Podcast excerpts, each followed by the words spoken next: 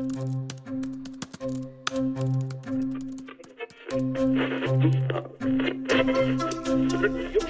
velkommen til Dialogen, en podkast hvor vi kommer til å snakke om emner som er diskutert inne på plattformen Quora. Eh, mitt navn er Conny, og i dag har jeg med meg Ole André Solbakken, som er professor i klinisk psykologi og psykologspesialist. Og eh, vi kommer til å ha en dialog om emner som psykopati, eh, narsissisme og affektbevissthet. Ja, så her har jeg med meg Og her Mm. har vi fått et svar fra en bruker inne på Cora at eh, hos en psykopat er selvoppfatninga preget av maktfølelse, ære og hevn. Vedkommende har ikke evne til å se skyld eller vise anger. Han-hun er preget av løgnaktighet, for normer og lover betyr ingenting for en psykopat. Men en psykopat har stor evne til å vise vennlighet og er svært ofte sosialt sjarmerende. Blir lett intim med andre. Imidlertid mangler vedkommende evne til respekt og prøver alltid å finne ut hvordan forholdet til andre kan utnyttes til egen fordel. Hersketeknikker er hun-han mester i. Dette bunner i at eh, dette bunner i grunn og bunn at psykopaten mangler totalt empatiske evner. Um, Ole, har du noen eh, kommentarer til det svaret? Hvis det stemmer? Eh, Ja, jeg kan jo si litt om det. Altså, jeg har jo lest det svaret. og eh, kan vi bare starte med å si at vi, eh, vi opererer jo ikke da i diagnosesystemet vårt med psykopati som diagnose, og heller ikke sosiopati. Mm. Begge de skal vi kalle det fenomenene, de, de dekkes av det vi kaller antisosial personlighetsforstyrrelse. Akkurat. Så sånn jeg skulle kalle det mer sånn eh, psykologisk, diagnostisk, eh, psykiatrisk forstand, så er det da det som er, er termen vi bruker. Eh, nå er det det å si, altså Mye av det som er skrevet der om, om psykopattrekk, eh, er jo høyst relevant og, og stemmer i en god del tilfeller. Men så er det sånn med psykopati som med alt mulig annet at det er en dimensjon. Så det varierer folk på. Noen er veldig lav på det, og noen er veldig høy på det. Og noen er da så høye på det at de passerer ei grense for det vi da ville tenke at er eh, veldig dysfunksjonelt eller veldig skadelig, da, Mm. og blir da kalt psykopater. Det er jo et begrep som brukes en del i litteraturen. Ja. Så, og per i dag så pleier vi som regel å bruke eh, litt, arbeidene til en, en forsker som heter Hare, som har lagd ei sjekkliste for å eh, kode psykopati. Og Hvis du scorer tilstrekkelig høyt på den sjekklista, så kvalifiserer du på en måte for å gå inn innunder kategorien psykopat. Da. Men det mm, er jo viktig å huske at det alltid er eh, skjønn i sånne sammenhenger. Så hvor går den grensa? Det er jo et åpent spørsmål. Mm. Hvor, hvor, hvor mye psykopati skal du ha før vi kaller deg psykopat? Ja, akkurat. Litt Det som kanskje kan være greit, altså det, det, det er veldig, Jeg tror poenget mitt er at det er veldig stor variabilitet. Det er veldig stor forskjell. Noen eh, psykopater altså Det er jo det som kanskje kjennetegner psykopater aller mest. Du skal bruke det som en sånn kategori. Så er det mangel på evne til å føle skyldfølelse og skamfølelse. Ja. Eh, og mangel på evne til å ha genuin omsorg for andre. Altså virkelig bry seg om andres lidelse, f.eks. Mm. Eh, ha medlidenhet og innlevelse med andre. Så mm, mm, Ja, de veldig, har veldig problemer med det, de kan hende den kategorien. Absolutt. OK. Så um, jeg er nysgjerrig selv.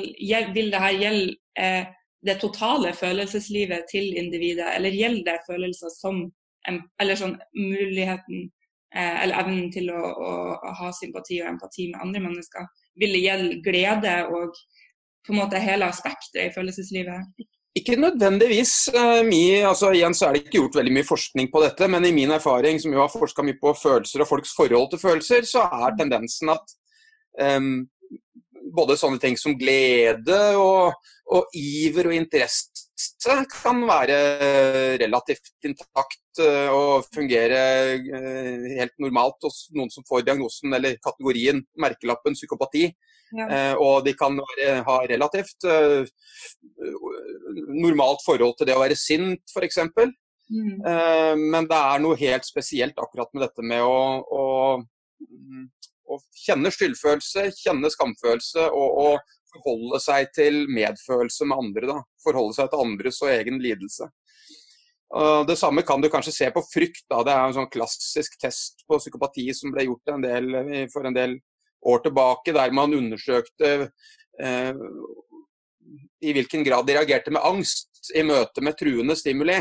F.eks. Ja. å bli trua med, med, elektrisk sjokk og sånt. Eh, I selvfølgelig så små doser at det ikke er noe farlig.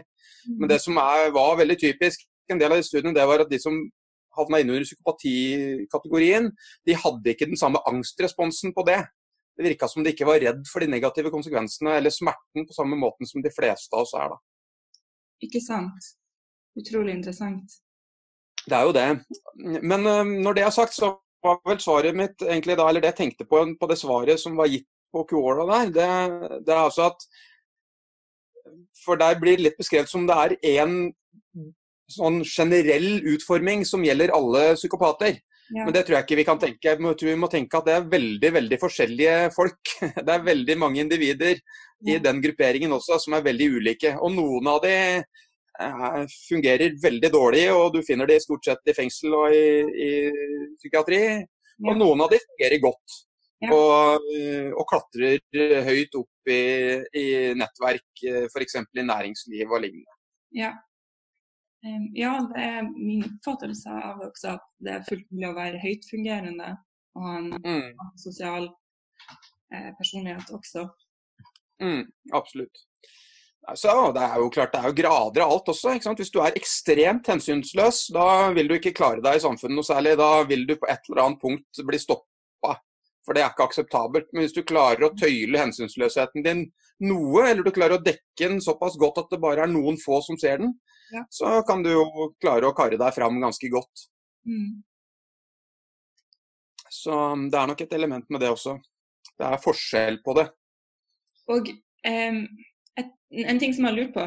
Hvis du har, en, hvis du har blitt diagnosert med en antisosial personlighetsforstyrrelse, og du er høytfungerende, um, mm. vil, vil, det si at du på en måte Eh, må inneha vonde tanker om andre mennesker, eller kan du være helt nøytral til mm. hvordan du relaterer deg til andre? Mm. Nei, du, um, uh, du, trenger på en måte ikke å være um, ekstremt hensynsløs, og trenger ikke å fullstendig mangle evne til empati og, og skyldfølelse for å få diagnosen antisosial personlighetsforstyrrelse. Det mm. holder f.eks.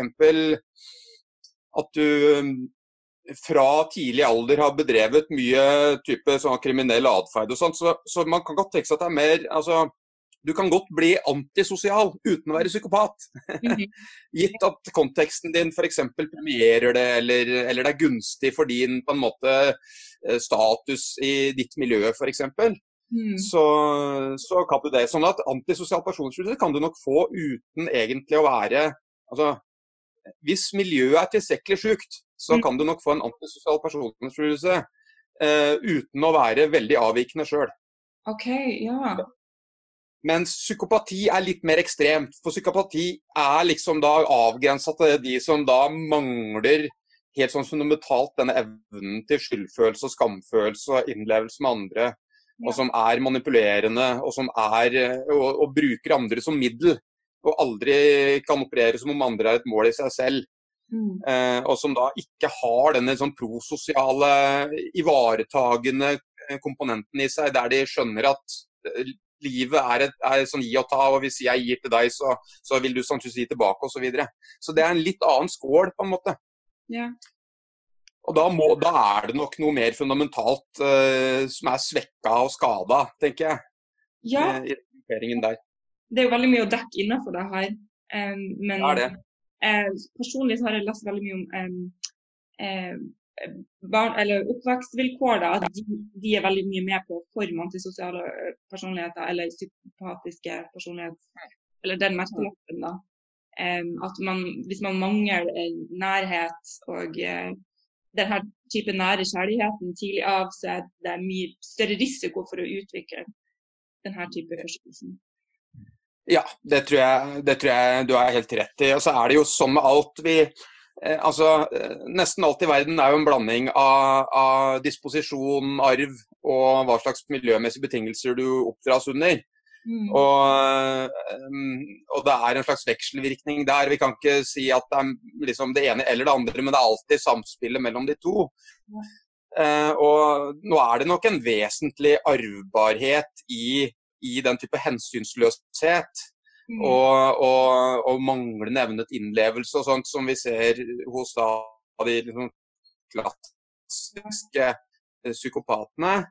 Men det er klart at miljøet vil ha noe å si. Det, det tenker jeg er helt åpenbart. at Hvis du, hvis du kunne eh, skreddersy det miljøet optimalt til det barnet, som mm. har eh, de litt sånn svekka evnene på disse områdene, så er jeg helt sikker på at du vil kunne justere den kursen og få et relativt normaltfungerende, i hvert fall til, til, tilstrekkelig normaltfungerende individ ja. til at det ikke ble store avvik. Så det er nok, og, og vice versa. Selv om du er ganske normalt utstyrt disposisjonelt, hvis du blir oppdratt i et miljø der det lønner seg rett og slett å være psykopat, mm. så er det mye større sannsynlighet for at du utvikler det. Ja, absolutt. Ikke sant. Og, det store eh, liksom, paradokset og litt Ja, unnskyld. Nei, bare... Vær så god.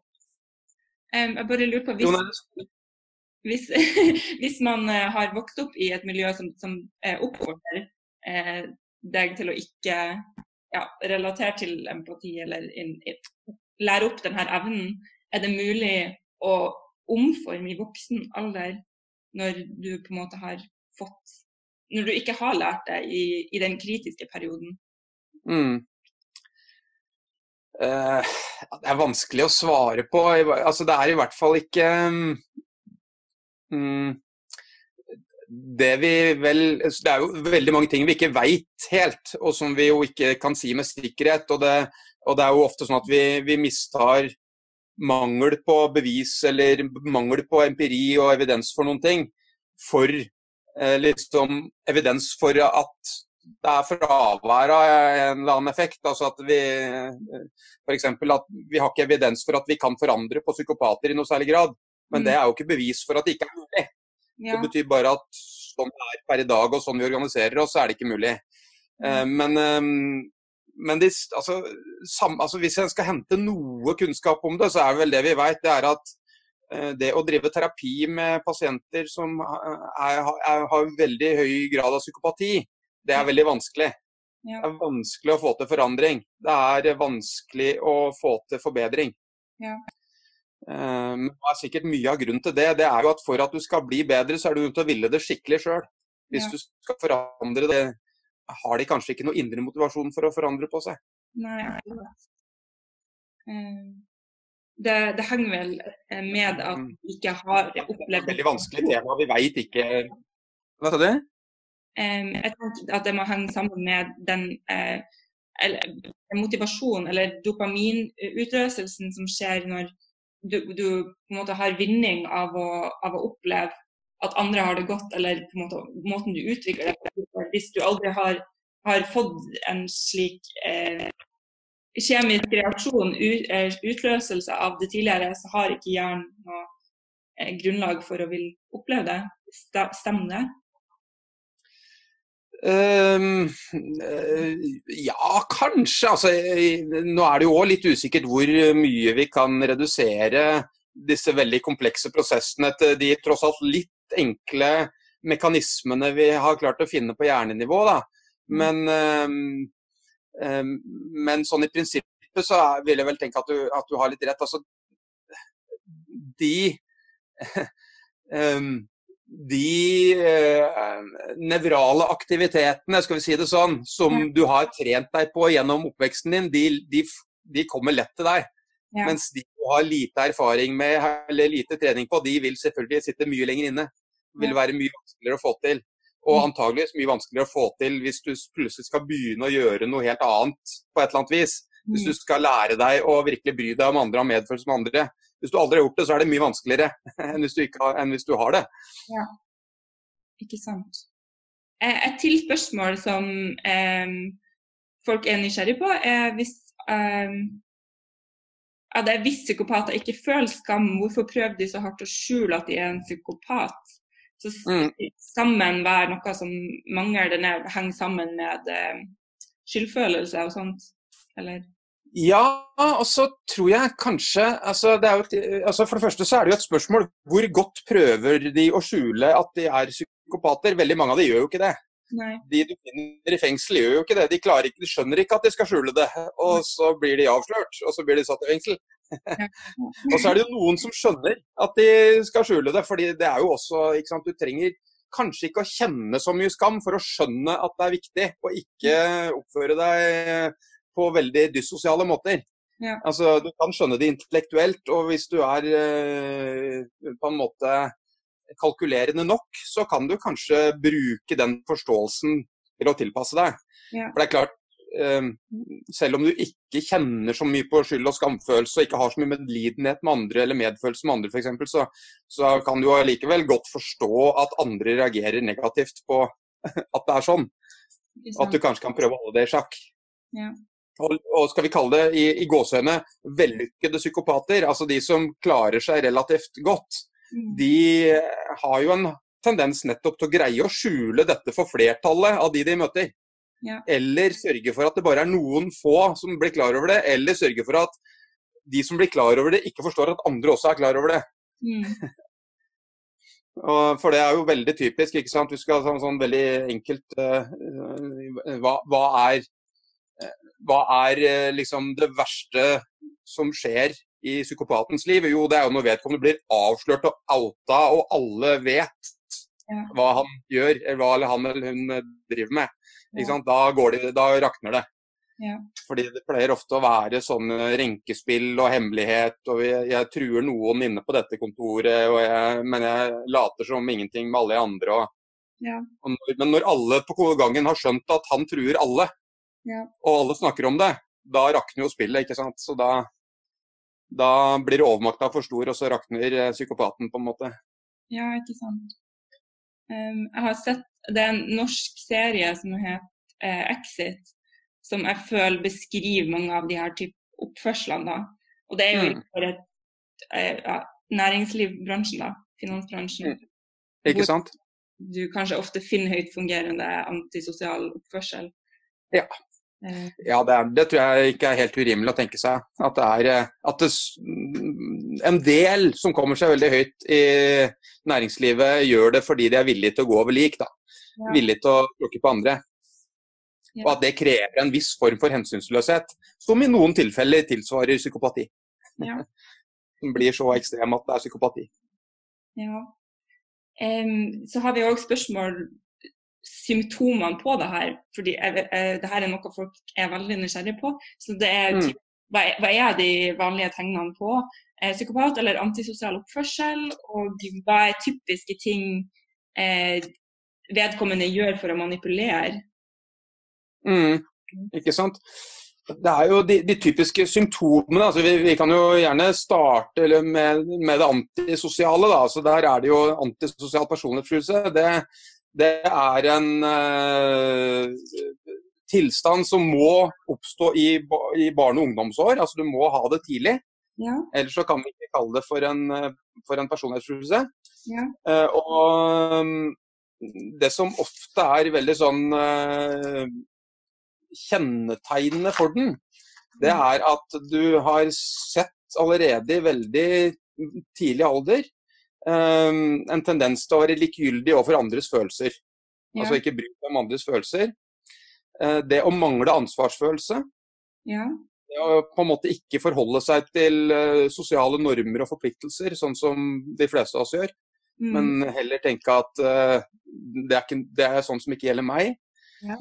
Eh, ofte så er det en tendens til manglende evne til å ha varige relasjoner til andre. Altså ordentlige bånd med andre mennesker. Ja. Er ofte et tegn på det. Mm. Eh, eh, ofte så vil du se lav terskel for aggresjon og frustrasjon. Altså at vedkommende har en tendens til å bli sint eh, fort, og og har dårligere grenser på å utagere sinne enn det uh, de fleste har, Ja. Så er det typisk da dårlig evne til å ha dårlig samvittighet. Altså dårlig skyldføl lite skyldfølelse. Klarer liksom ikke å lære av straff, f.eks.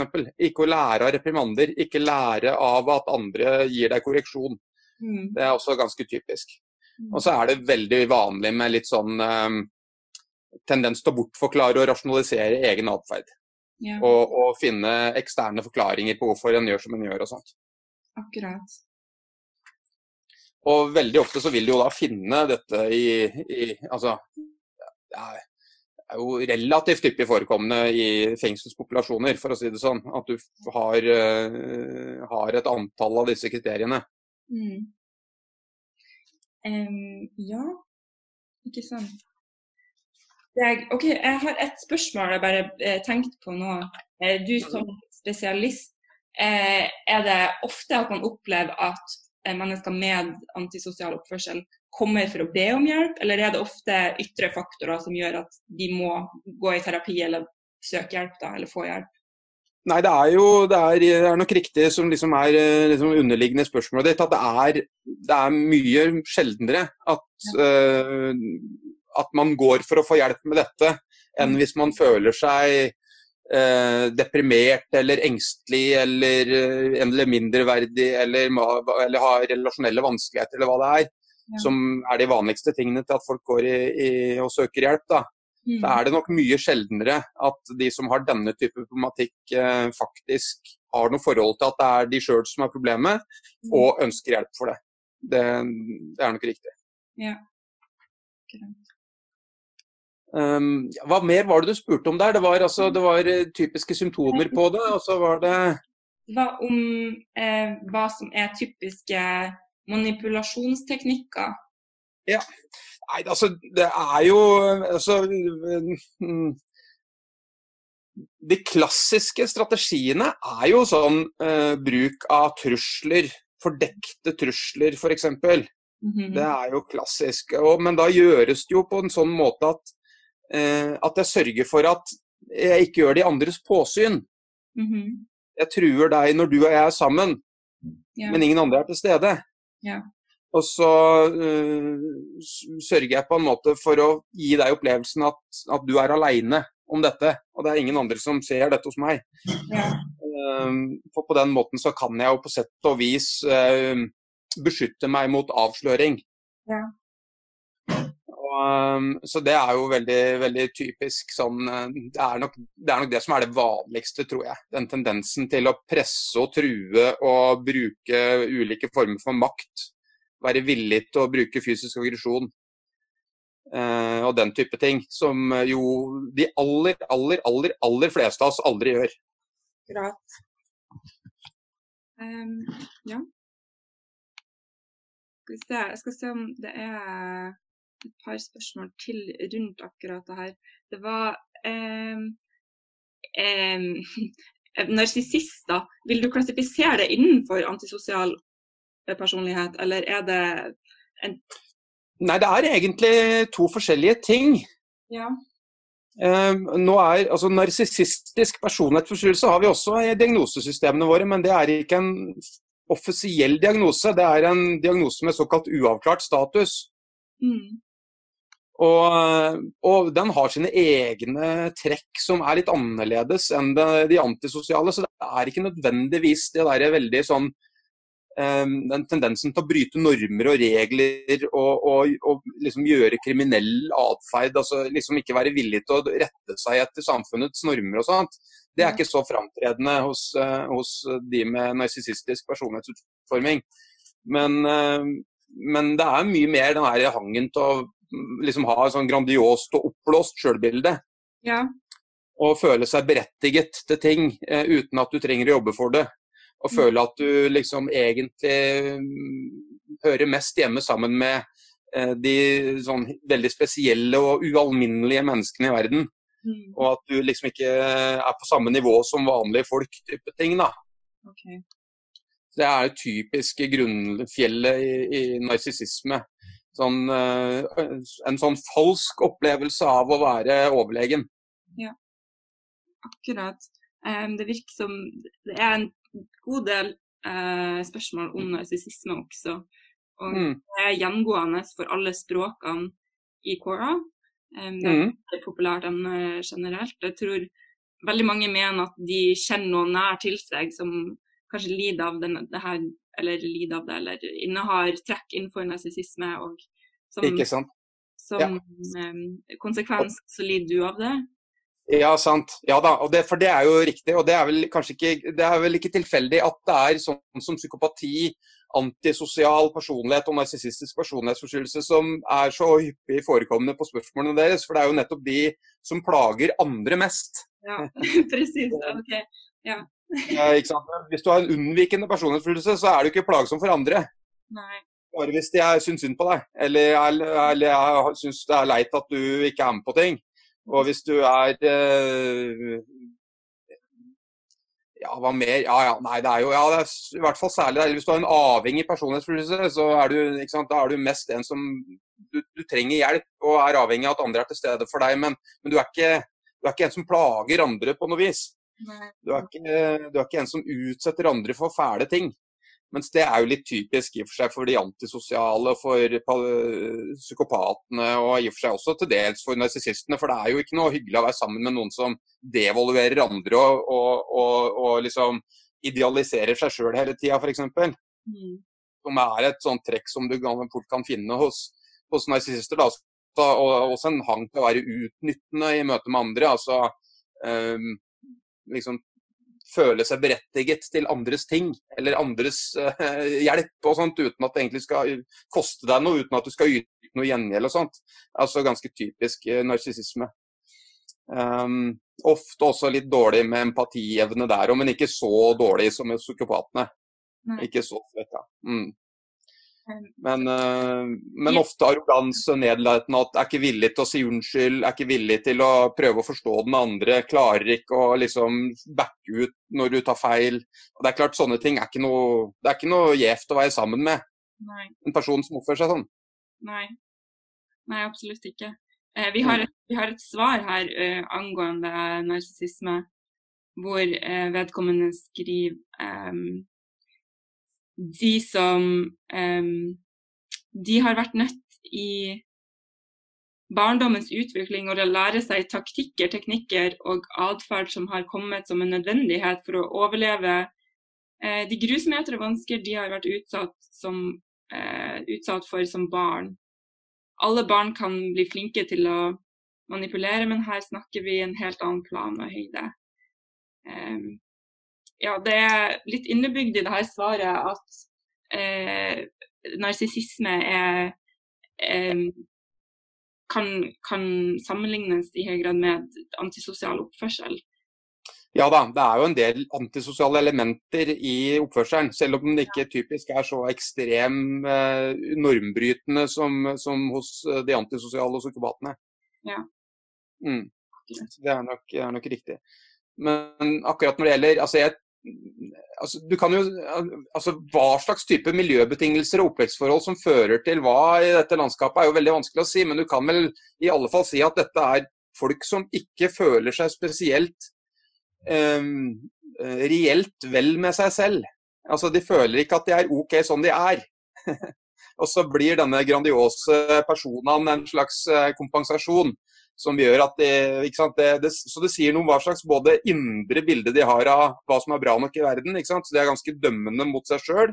Ja. Eh, og så har de nok sannsynligvis erfart å bli dømt og sett ned på, vil jeg tro. Altså at de, de har ikke opplevd at andre behandler det som de er bra nok som de er, tror jeg. Mm. I hvert fall ikke på en sånn måte at det har gått inn skikkelig hos de. Mm. Eh, og så er liksom eh, svaret på det, håndteringsforsøket, da, det er å, å blåse seg opp da, og gjøre seg til en som liksom er angivelig spesielt uh, flott og, og, og, ualminnelig dyktig og klok og intelligent og hva den måtte være. da. Uh, en som ikke er uh, sånn som andre, en som er bedre enn andre. Akkurat. Og Det er jo dessverre veldig sjelden at det er overensstemmelse mellom det selvbildet og realitetene. må jeg jo bare si. For det er, jo, det er jo nettopp det vi reagerer på. At det er så voldsomt stor forskjell på det vedkommende faktisk får til, og det vedkommende fremstår eller prøver å late som eller, eller, eller kommuniserer når han snakker om seg selv. Akkurat. Jeg, jeg, tror også at det er en del mennesker som liker å bruke det her begrepet om andre for å eh, rasjonalisere eh, oppførsler som de ikke forstår. Um, ja, jeg tror også det. Tenker du at det her kanskje blir, ut, eh, blir brukt i for stor skala, når det ikke er gjeldende også, at det kan være skadelig? Jeg tror kanskje det er litt tendens til det. Altså, jeg tror um, mm, Sånn. Jeg, jeg, tror um, Altså, fordi narsissistisk personlighetsforstyrrelse, som jo er denne diagnosen vi snakker om, den, den, er veldig spesifikk. Eller i hvert fall så er det en del krav som stilles for at du skal kunne sette den diagnosen.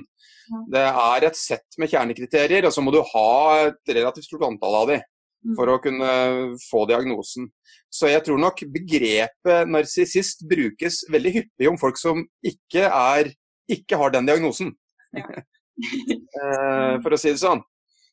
Så, men så er jo alt dimensjoner her i verden. Da, sånn at eh, så er jo alle mer og mindre av ting. Og det er klart at folk er mer og mindre narsissistiske. Eh, sånn at, at, det kan være et, liksom en kjerne av sannhet i, i ens opplevelse, selvfølgelig. Og noen ganger så er det helt riktig at det er en ekstrem narsissist du står overfor, mens andre ganger så, så er det kanskje, som du sier, mer at det er lett å sette merkelapp på noen for mm. å forklare og rasjonalisere hvorfor de er som de er. Mm. Og, og kanskje også rasjonalisere sin egen reaksjon på, på noen. Da. Mm. Så jeg tror det er hummer og kanari i det landskapet der. Ikke sant. Um, og bare en tanke. Um, hvis vedkommende har blitt diagnosert med en narsissistisk personlighetsforstyrrelse, så vil det på lik linje med antisosial eh, ha opphav i en blanding mellom eh, arv og miljø. da. Veldig dårlige oppvekstvilkår. Ja, det er klart det. Og det, det tror jeg er helt, helt, klart. At det, er, vil alltid være et, et skjæringspunkt der. Og, mm. og, og, hos noen så er det kanskje vært, har det vært veldig uheldig med miljøbetingelsene sine, som, har, som har dytta det i en retning som de ellers ikke ville gått i. Og, og for andre så er det kanskje noe som er altså de har veldig lav terskel for å gå i disse retningene. Så, så, det er nok store variasjoner også. Ikke sant. Og eh, du skrev en doktorgrad eh, som, eh, med utdypning i eh, affektbevissthet, stemmer det? Det er riktig. Mm. Eh, kan du forklare hva affektbevissthet går, går ut på? Ja, det kan jeg gjøre. I helt korte trekk så er affektbevissthet eh, et, et, annet ord for å ha et godt forhold til egne følelser. Mm. Fordi En ting er jo at vi alle mennesker har følelser, og vi har det nesten hele tida. Og så er vi mer og mindre klar over at vi har det. Ja. Eh, men, men, det er liksom helt sentralt i oss det der at vi har følelser. Vi er eh, ivrige, vi er interesserte, vi er glade, vi er engstelige, vi er, eh, blir lei oss, vi blir skuffa, vi blir irriterte, frustrerte. Mm. Eh, vi blir uh, misunnelige, vi blir flaue, forlegne. Mm. Hva det nå måtte være. Eller få dårlig samvittighet og litt anger. altså det? Dette er, spiller i oss uh, i veldig stor grad. Mm. Og kunne kanskje til og med tenke oss at nesten alt vi gjør, er drevet av en viss sånn liten aktivering av interesse og iver. Altså, mm det er nettopp det som gjør at du blir fokusert og er i gang med ting. Da. Så Det er liksom den ene sida, det er at vi har disse følelsene, og det er allmennmenneskelig. Nå har vi jo snakka om psykopater, da, så kanskje noen av oss har litt dårligere eh, utrustning for noen følelser. Det kan tenkes, men i det store og det hele så har vi et felles følelsesapparat i bånn. Men så er det jo kjempestore forskjeller på hvordan vi forholder oss til de følelsene. Mm. Så Det er det jeg har eh, gjort mitt doktorgradsarbeid om. Det er rett og slett uh, å se på betydningen av ens forhold til egne følelser for ens psykiske helse og for effekten av behandling, psykoterapi. Akkurat. Så um, på en måte en dårlig egenforståelse av en spesifikk følelse vil, mm. ha, uh, vil på en måte utageres i andre dårlige uh, mm. relasjoner, da, eller det vil ja.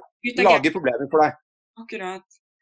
Så for å ta, for å ta et eksempel da, så, sant, sånn, som er enkelt for Eller sånn, sånn, sånn greit å, uh, å, følge, tror jeg. Det er jo at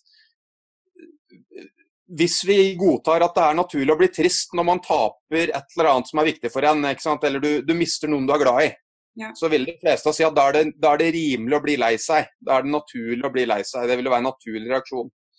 Men hvis jeg da er skrudd sammen på en sånn måte at hver gang jeg kjenner at jeg er litt trist, mm. så begynner jeg å tenke at jeg er råtten, jeg er dårlig, det er svakt å kjenne sånne følelser. Mm. Eh, i, eh, det er ingen grunn til å ha det sånn. Jeg mm. burde ikke ha det sånn, jeg burde ikke være sånn. Mm. Eh, og det der blir oppøvd som en spontan automatikk i meg. At hver gang jeg er lei meg, så blir jeg egentlig mest eh, håpløs og sjølkritisk. Ja. Så, så, får jeg et problem i, problem i livet. For jeg kommer til å møte tap. Jeg kommer til å møte ganger der jeg skulle vært trist. Mm. Og helst vært det på en ålreit måte. Mm. Men fordi jeg har organisert gjennom min egen erfaring da, min måte å være trist på på en veldig uhensiktsmessig måte, mm. så får jeg store problemer av det. Ikke sant. Jeg tenker det er flere dimensjoner i det her. på en måte At eh, barn som ikke får tillatelse til å kjenne på følelsene sine eh, ordentlig, da, og vi kan, mm. for at de blir tvunget til å ha et lokk på hva de egentlig opplever. De vil Absolutt. trenge de her følelsene videre i livet. Og ja. da kommer det å gripe til deg og skape de her negative eh, mm. eller de negative selvfølelsene når du er trist mm. eller har negative. Mm. Ikke sant? Eh, og jeg vil si at dette er noe som er eh, et kulturelt fenomen også. Eh, at det kan være innenfor en kultur eller i et visst samfunn. Mm. På samme grad som det kan oppleves i kjernefamilien eller i familien. Mm. Ja, ja, jeg tror det er en del kulturell variasjon. Mm. Samtidig så er det utrolig stor inter, altså intrakulturell variasjon. Mm. Så innad i, en, i, alle kulturer så er det også kjempestore forskjeller. Mm. Jeg mistenker nok, uten at vi har forska helt konkret på det, at det er i alle fall like stor variasjon innad i kulturer som det er på tvers av kulturer på dette feltet. Uh, og det vi kan si Så, så det er nok litt sånn um, um, krysskulturelt i den forstand at uansett om du kommer fra uh, Oslo eller, eller, Rio de Janeiro eller Papua Ny-Guinea, mm. så, så, er det en risiko for at du kan ha et uhensiktsmessig forhold til følelsene dine. Ja. for å si det sånn. Og det henger sammen med hvor psykisk syk eller, eller frisk du er. Det har vi vist uh, igjen og igjen og igjen på eh, etter hvert nesten utallige måter. At det er en tydelig sammenheng der. Så vi har jo bl.a. Uh, sånn som den doktorgraden som vi snakka om, som jeg skrev, så, så viste vi jo at um, både det generelle symptomtrykket, uh, de, de relasjonelle vanskelighetene, altså interpersonlige problemene, den generelle psykologiske fungeringa Mm. Og personlighetsfungeringa til pasientene vi så på, det var eh, ca. 150 pasienter vi undersøkte. Eh, for alle de, på alle de feltene så kunne vi forklare eh, ja, mellom 15 og 25% av, av plagene deres og problemene deres kunne vi, forklare, kunne vi forklare med basis i forholdet de hadde til følelser. Sånn at de som hadde dårlige forhold til følelser, de hadde mer problemer på alle de feltene. Ikke sant. Um, og i den her uh, ja, um, er det en terapiform også? Det å uh, gå inn i følelsene sine og, og, lære seg å gjenkjenne dem mer, og hvordan man takler dem? Ja, det er, det er det, også. Det er, eh, og, og, det er jo etter hvert blitt ganske vanlig i mange terapier, egentlig. Vi mm. har vår terapivariant også, som heter affektbevissthetsterapi, som, som handler om nettopp det. Det handler om å trene opp evnen til å legge merke til, være oppmerksom på, eh, og trene opp evnen til å tåle å ha følelser når de kommer, og, og eh, forholde seg til de, tenke over de, reflektere over de, i stedet for å enten dytte de vekk, eller prøve å komme unna de, eller prøve å, å eh, rasjonalisere de bort, eller hva det er man gjør, da, undertrykke.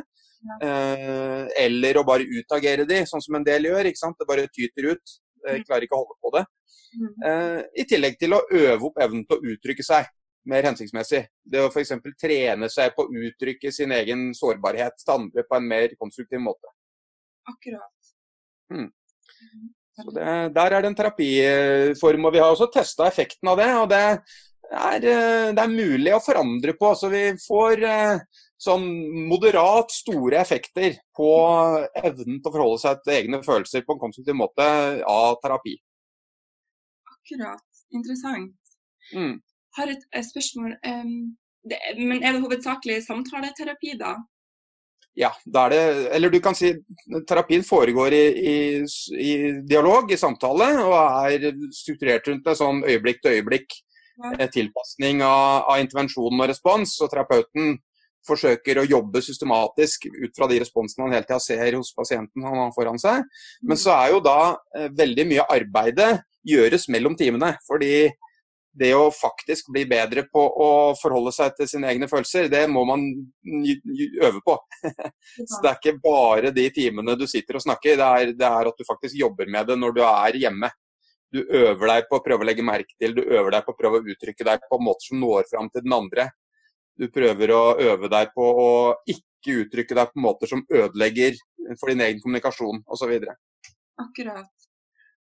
Em, og um, ok, siden måte, det å generelt kun uttrykke seg er veldig viktig for å gjenkjenne følelsene, eller hvordan Mm. man egentlig uh, har det, um, tror du mennesker har uh, veldig ulike måter å uttrykke seg på enn bare gjennom språk?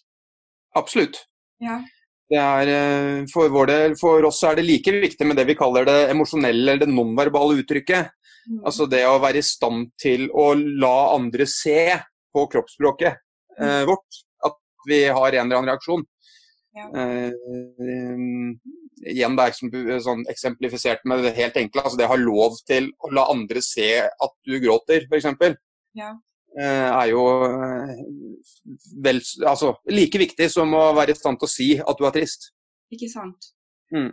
Og når det kommer til eh, ting som idrett og kunst og de her type måtene å uttrykke seg på, Mm. Altså jeg vil tenke at de her er så vitale for et samfunn å ha, og ha Mm. tilbud av for mennesker som kun uttrykker følelseslivet sitt, Mm. istedenfor ja. kun samtaleterapi. Kan, kan slike måter være eh, terapeutisk for individer som ikke på en måte klarer å uttrykke seg eh, verbalt? Ja, det tror jeg helt sikkert. Jeg har jo inntrykk av, og syns jeg også jeg kjenner noen altså, kunstnere som, som symboliserer følelser Mm. gjennom kunst. Og, og det er en måte de klarer å, å både uttrykke seg på og egentlig også bearbeide opplevelser de har inni seg. Ja. Så det tror jeg definitivt. Og også i dans og idrett, som på en måte Mm. bruker kroppen som et instrument til å uttrykke. Ja, det, det, det eh, har jeg i og for seg aldri sett noe på sånn forskningsmessig, men, men det høres ikke urimelig ut. Å tenke at det henger i hop. Det er jo i og for seg bare som en digresjon til det, det er veldig interessant å se f.eks. i idrettssammenheng. Ja. Det er jo veldig få steder følelsene sitter løsere enn der, ikke sant? Ja. Så hvis du mislykkes i NM som skiløper eh, og du trodde du skulle vinne, så blir du da, da, da filmer de deg mens du sitter og hulkegriner, ikke sant? Ja, ikke sant. Og hvis du vinner, så er du jublende glad, og når du står på seierspallen, så gråter du av glede fordi du er så rørt når du hører nasjonalsangen hvis du er i OL. Så du? Så det er jo et eller annet veldig sånn vitalt. Mm. Eh, Men det er, jeg vet ikke helt hva som gjør det, men det har jeg alltid tenkt, tenkt over eller merka meg når jeg ser på idrettsutøvere og i store sånne sammenhenger. Det er, det er mye mer eh, Det virker som det er lavere terskel for å faktisk eh, vise affekt Ikke på en ålreit måte. Det er ikke sånn at alt skal vises for enhver pris på en hvilken som helst måte. Det må jo gjøres på passelige måter, dette. Mhm. Det skal ikke skade andre, og det skal ikke skremme andre, men det skal liksom nå fram til andre. Ja, ikke sant. Unna der. Ja. Så vil jeg bare si tusen takk for at du stilte opp. Dette er kjempegøy og interessant å snakke om. Jeg tror veldig mange har godt av å høre på mennesker som deg som har eh, profesjonell kunnskap i de her feltene. For det, mm. det kan være em, det, det, det kan være, jeg vet ikke, ikke skadelig, men eh, det ligger veldig mye informasjon om sånn, eller spørsmål om narsissisme og psykopati som ikke er fagbegrunna. Mm. Kan det fort bli eh, Hva heter det? Ja, sant. Ja, det er jo veldig lett at det blir, at det blir litt sånn eh, på en måte karikert og, og kanskje litt sånn unyansert eh, og overgeneralisert. Når det, for det er jo gjerne de mest øyenfallende svara vi ofte henger oss opp i også. Ikke sant. Mm. Men eh, det var utrolig interessant å, å høre fra en profesjonell. Og um, tusen takk for at du stilte opp. Jo, bare hyggelig. Det var, eh, det var så lite. Det var morsomt. Tusen takk.